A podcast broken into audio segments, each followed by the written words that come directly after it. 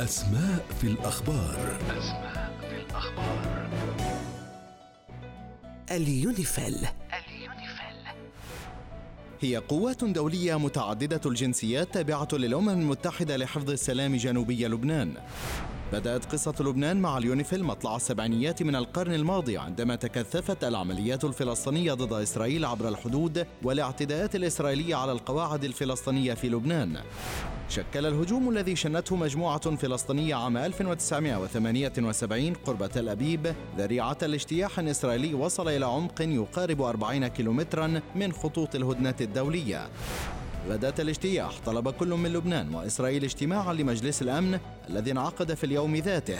وجاءت الإشارة الأولى إلى احتمال إرسال قوات دولية إلى جنوب لبنان في تصريح مندوب لبنان لدى الأمم المتحدة أمام مجلس الأمن.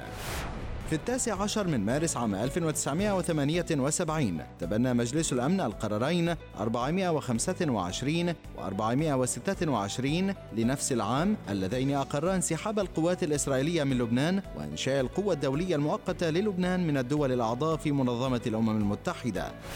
وكلت إلى القوة مهمتان واضحتان الأولى تأكيد انسحاب القوات الإسرائيلية من جنوب لبنان والثانية إعادة السلم والأمن الدوليين ومساعدة حكومة لبنان على بسط سلطتها الفعلية في المنطقة. حاليا تعداد اليونيفيل نحو عشرة ألاف وخمسمائة عنصر. آلياتها التي كانت متواضعة جدا صارت أكثر تطورا ومقرها العام الذي كان في الناقورة لا يزال يتوسع. أسماء في الأخبار. أسماء